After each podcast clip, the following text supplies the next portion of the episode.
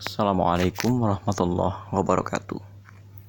Kali ini kita masih dengan tema e, rekayasa sosial apa yang dilakukan oleh Rasulullah setelah hijrah untuk kemudian menyebabkan atau menimbulkan sebab agar umat Islam bisa menguasai peradaban dan menyebarkan prinsip keadilan yang ada dalam agama Islam. Nah, kita ketahui ya, sekarang mulai ada fenomena-fenomena di sebuah lembaga dakwah atau di tengah-tengah masyarakat. Mahasiswa baru atau juga mahasiswa yang baru berhijrah. Itu rata-rata eh, saya tidak bisa menyebut itu sebagai latah, tapi saya bisa menyebut ini sebagai satu gejala eh, mereka merindukan satu gerakan atau mereka ibaratnya begini, mereka telah tersadar. Sekali dua kali ngaji mereka sadar, sekali dua kali daurah mereka sadar bahwa kita harus melakukan sesuatu setelah ngaji ayo ngapain? Gitu loh. Jadi bahasanya mereka ingin menerapkan teori yang baru mereka dapatkan karena mereka selama ini jengah. Sesungguhnya pengajian-pengajian Islam yang ada sekarang ini yang menyebabkan seseorang berhijrah lantas pasti akan membuat seseorang itu terpancing atau punya tenaga bergerak. Hanya masalahnya sekarang tidak banyak tidak banyak pengajian-pengajian yang mewadahi atau memfasilitasi pengikut-pengikut kajiannya itu untuk bergerak tapi dengan cara yang benar atau untuk bergerak tapi dengan penyaluran yang kemudian efektif. Itu sebabnya lembaga-lembaga dakwah yang lama yang bahkan dalam tanda kutip sudah stabil mulai kehilangan pengikut. Kita boleh lihat contohnya. Ada organisasi yang lama yaitu NU, Muhammadiyah, kami, LDK, eh, di antaranya mungkin ada HMI dan lain-lain. Semuanya ketika saya pergi ke berbagai macam organisasi itu, karena saya beberapa kali mengisi juga di tingkat cabang organisasi-organisasi itu, semuanya mengeluhkan hal yang sama. Apa itu? Kurangnya kaderisasi. Padahal di saat yang sama, gelombang orang yang berhijrah, gelombang orang ngaji itu banyak. Ke mana mereka? Ke mana orang-orang ini? Kan ibaratnya begitu. Ternyata saya jumpai organisasi-organisasi yang dengan uh, satu deskripsi tugas yang jelas, tapi tanpa deskripsi ideologi yang jelas hari ini bermunculan. Ibaratnya begini ini berarti. Orang-orang itu sama-sama mendapatkan satu deskripsi dan definisi ideologi di organisasi yang besar dan mapan seperti HMI, kami, IMM, Muhammadiyah, NU ataupun juga PMII. Tapi kemudian ternyata mereka tidak sepakat atau mereka tidak uh, uh, semacam tidak merasa terwadahi dengan kegiatan yang dilakukan oleh berbagai macam organisasi Islam yang sudah stabil itu. Meskipun tidak semua, ini kan uh, artinya saya bicara kasus, artinya tidak semua. Meskipun barangkali kasus ini menjadi mayoritas. Karena apa? Statistik atau angka uh, munculnya organisasi-organisasi hijrah yang tanpa ikatan ideologi yang jelas. Ya, tapi pokoknya yang penting ini hijrah aja itu sangat banyak. Bahkan kadang-kadang satu dua orang bisa membangun lebih dari satu organisasi hijrah. Mengapa? Karena organisasi hijrah ini rupanya kegiatannya lebih konkret bagi mereka. Bukan kita lihat ya tapi bagi mereka yang baru hijrah kegiatannya mereka itu lebih konkret. Ya kan? Ada yang misalnya uh, rider hijrah naik motor jalan dari Jakarta sampai ke puncak. Udah gitu doang. Tapi di jalan mereka bagi-bagi makanan di jalan mereka membantu menyeberangkan orang atau ada gerakan-gerakan hijrah yang lain misalnya pecinta kucing eh, pecinta pohon pecinta trotoar dan lain-lain. Intinya apa? Ikatan tugas yang jelas. Nah kemudian di sini bisa kita ambil satu teori sosial bahwa orang yang biasanya habis berpindah atau mengalami transformasi ideologi biasanya dia akan menuntut uh, satu aksi nyata aksi yang jelas dan aksi yang konkret dari ideologi baru yang dia anut ini yang kemudian gagal ditangkap oleh organisasi-organisasi yang lama karena mereka terlanjur ada di zona nyaman yang mana zona nyaman ini menyebabkan mereka lambat untuk merespon datangnya gelombang hijrah. Gelombang hijrah ini tentu saja datang itu lantaran ketidakadilan atau lantaran gagalnya ideologi lama mereka, gagalnya kepribadian jahiliyah mereka untuk menegakkan keadilan, menegakkan jaminan hukum dan menegakkan jaminan kebahagiaan hidup di tengah-tengah masyarakat. Dan kemudian mereka berbondong-bondong bergabung ke dalam gerakan hijrah. Dan ini juga yang kemudian bukan sindrom ya, lebih tepatnya gejala yang dialami oleh Umar bin Khattab. Setelah beliau masuk Islam dulu di kota Mekah, pasti ada satu pertanyaan, oke okay, so what dan so why? Ya kan? Lalu kita melakukan apa dan mengapa? Dan kemudian Umar bin Khattab pada saat itu, kenapa kita tidak sholat aja depan mereka? Atau kenapa kita tidak melakukan dakwah secara jahriyah misalnya kan? Dan ini juga yang kemudian dialami oleh uh, Rasulullah kembali di kota Madinah. Setelah ribuan orang masuk Islam di kota Madinah, Rasulullah sadar mereka harus dikaryakan. Mereka harus diberikan saluran, dikanalisasi bahasanya kalau di zaman sekarang itu. Kanalisasi dalam tanda kutip adalah Oke, eh, apa yang bisa digunakan untuk kemudian mengikat ideologi ini? Untuk menandai bahwa sudah terjadi perpindahan ideologi, sudah terjadi perpindahan agama, perpindahan cara hidup, dan kemudian perpindahan harapan masa depan. Kalau Soekarno dulu, dalih beliau ketika membangun uh, Gelora Bung Karno, ketika membangun Istora Senayan, ketika membangun patung Pancoran, ketika membangun Monas dan juga membangun Masjid Istiqlal. Memang Soekarno sendiri dengan insting kepemimpinan yang begitu kuat ingin menandai bahwa kita sudah berlalu dari penjajahan Belanda dan kita butuh sesuatu yang bisa menandai bahwa kita ada di zaman yang baru. Apa yang dikatakan oleh Presiden Soekarno pada saat itu tidak sepenuhnya salah. Karena memang e, orang yang baru berpindah dari state atau kondisi yang lama itu butuh satu penanda agar atau satu karya agar dia semakin yakin agar dia semakin kuat terikat kepada ideologi barunya itu. Dan kemudian Rasulullah melakukan beberapa tindakan monumental. Nah ini kemudian rekayasa sosial inilah yang akan kita bahas sekarang yaitu betapa orang yang baru berpindah ideologi itu biasanya butuh satu penanda. Dan ini juga kemudian yang gejala yang terjadi di pemerintahan sekarang membuat satu proyek yang sifatnya kalau dalam bahasa Fahri Hamzah itu festivalisasi. Proyek yang besar bombastis dan dan indah.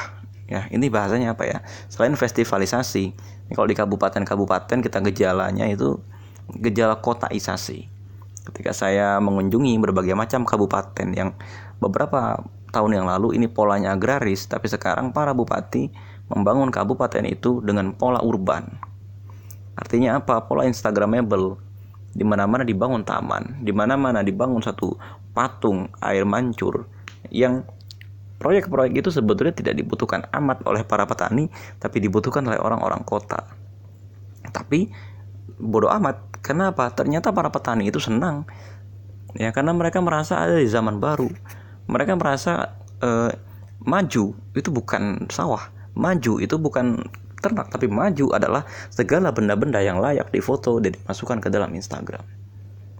Nah, ini yang kemudian terjadi. Tapi di masa Rasulullah, Rasulullah mencoba memalingkan itu semua. Yang eh, mana Rasulullah itu menetapkan pembangunan Masjid Nabawi.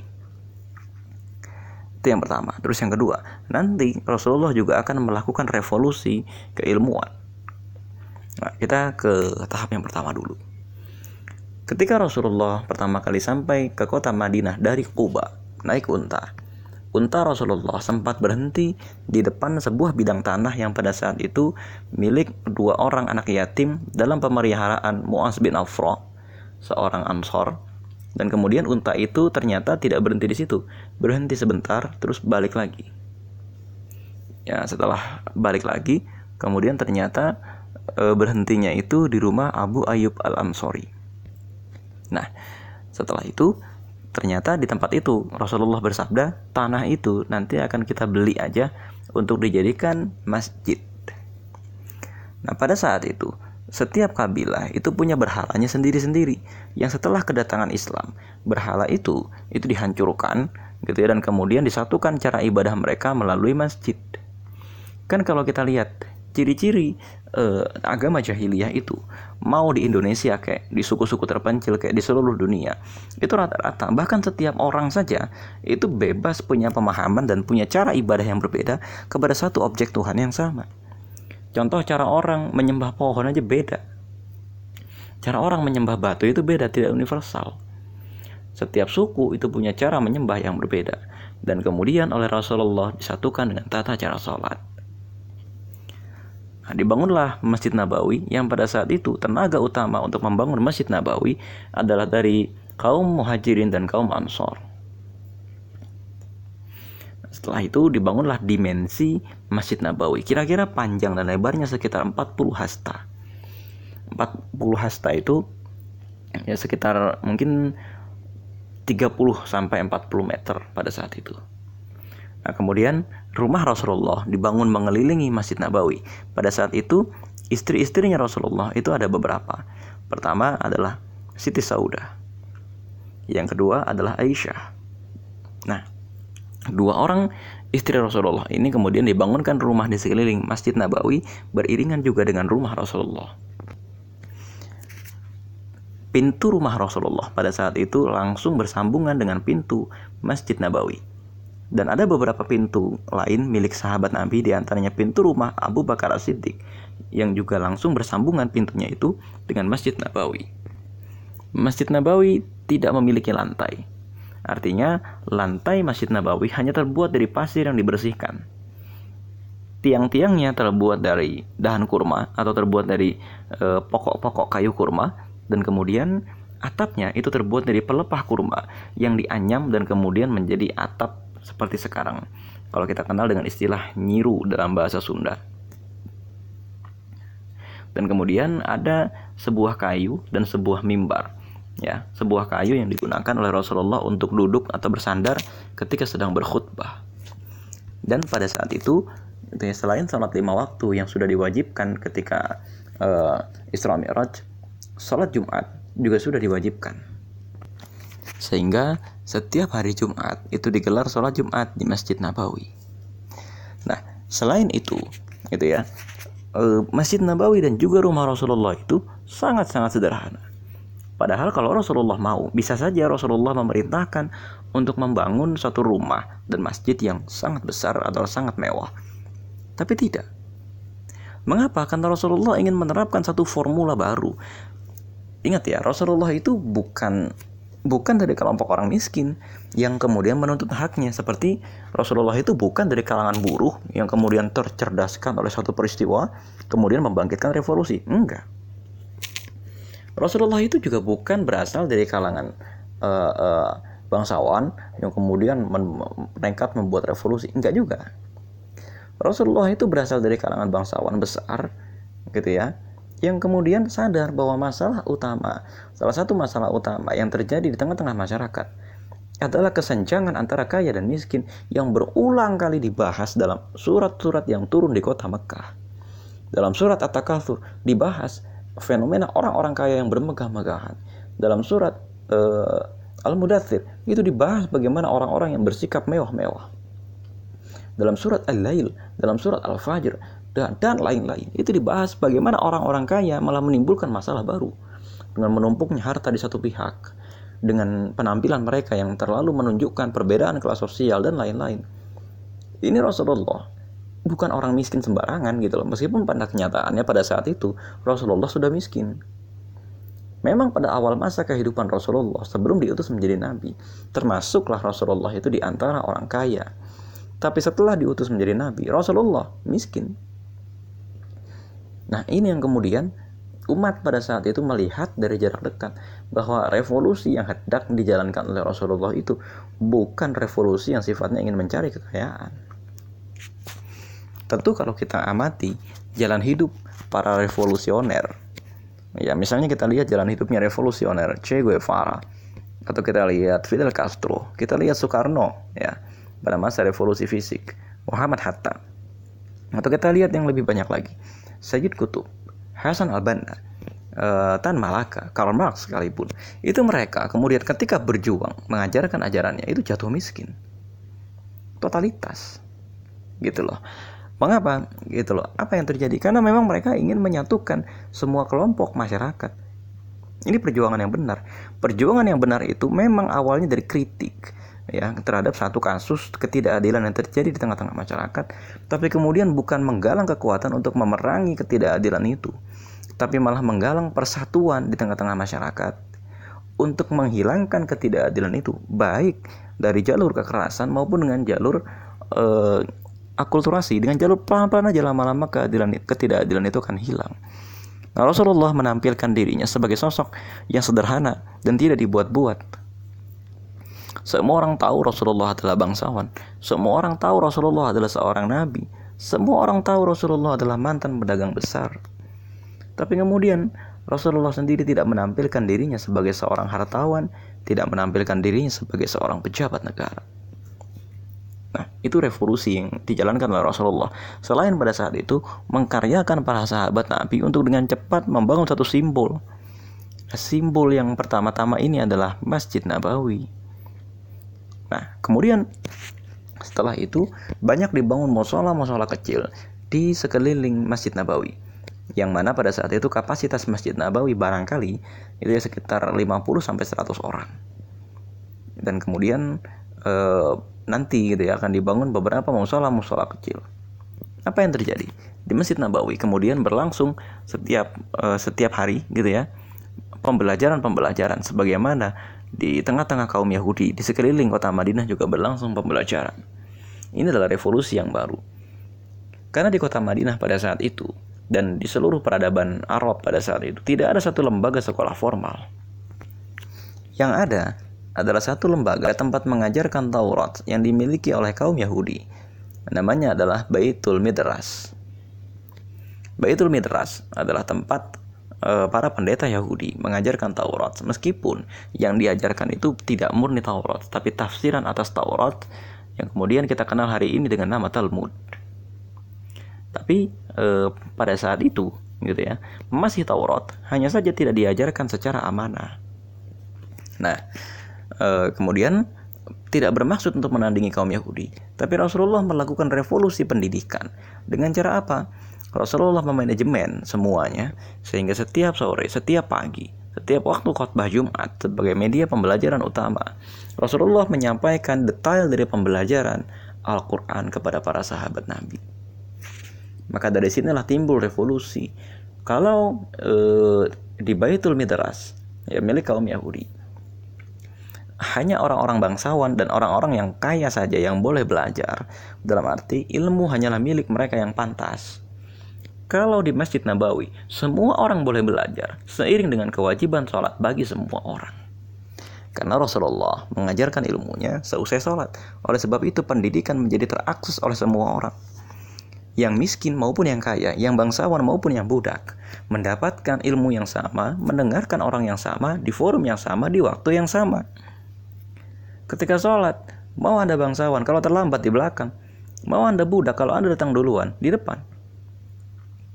Ini yang kemudian menjadikan revolusi. Ternyata di pendidikan yang dibangun oleh Rasulullah ada kesetaraan. Karena memang pada saat itu Rasulullah tidak membangun lembaga pendidikan, tapi mengadakan kegiatan pendidikan di masjid. Kita lihat dari kegiatan sholat saja itu sudah ada pendidikan yang jelas pada saat itu dan betapa monumentalnya sholat pada saat itu. Betapa monumentalnya Masjid Nabawi pada saat itu dan betapa monumentalnya sholat Jumat pada saat itu. Dan eh, ini juga diperkuat lagi dengan misalnya turunnya surat Al-Mujadalah yang A'udzubillahi minasyaitonirrajim. Ya ayyuhalladzina amanu idza qila lakum tafassahu fil majalis fafsahu yafsahillahu lakum. Wa idza qila shuzu fanshuzu yarfa'illahu alladzina amanu minkum walladzina utu ilma daraja wallahu bima ta'maluna khabir. Dan kalau dikatakan kepada kalian ya Iza qila lakum fil majalis fafsahu. Jadi lapang-lapangkanlah, ada yang baru datang nih.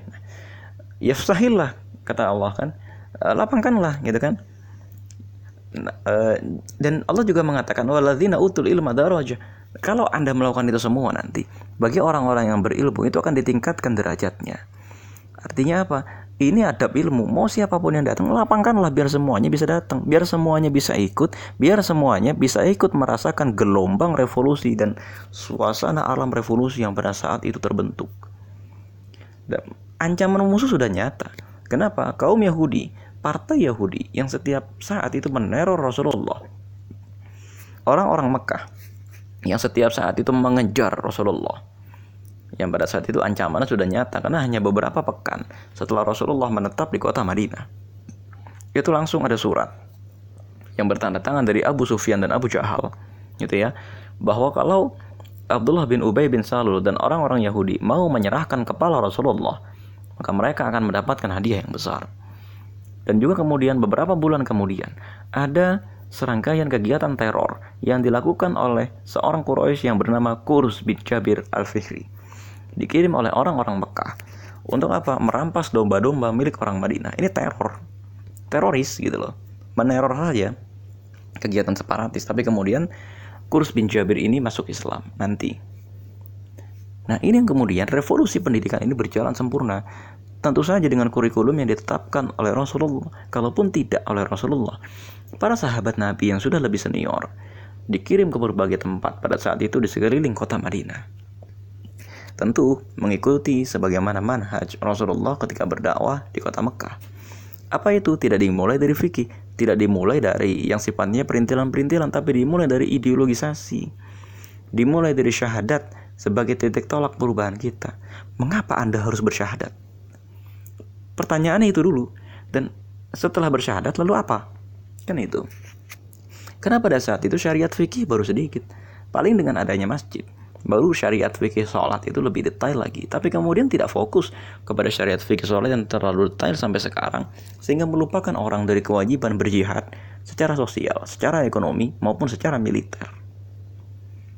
Nah memang tampaknya kepentingan sekarang itu untuk menjauhkan umat dari upaya-upaya semacam itu. Nah ini yang yang menarik gitu ya. Setelah itu nanti di Masjid Nabawi akan muncul satu kelompok orang.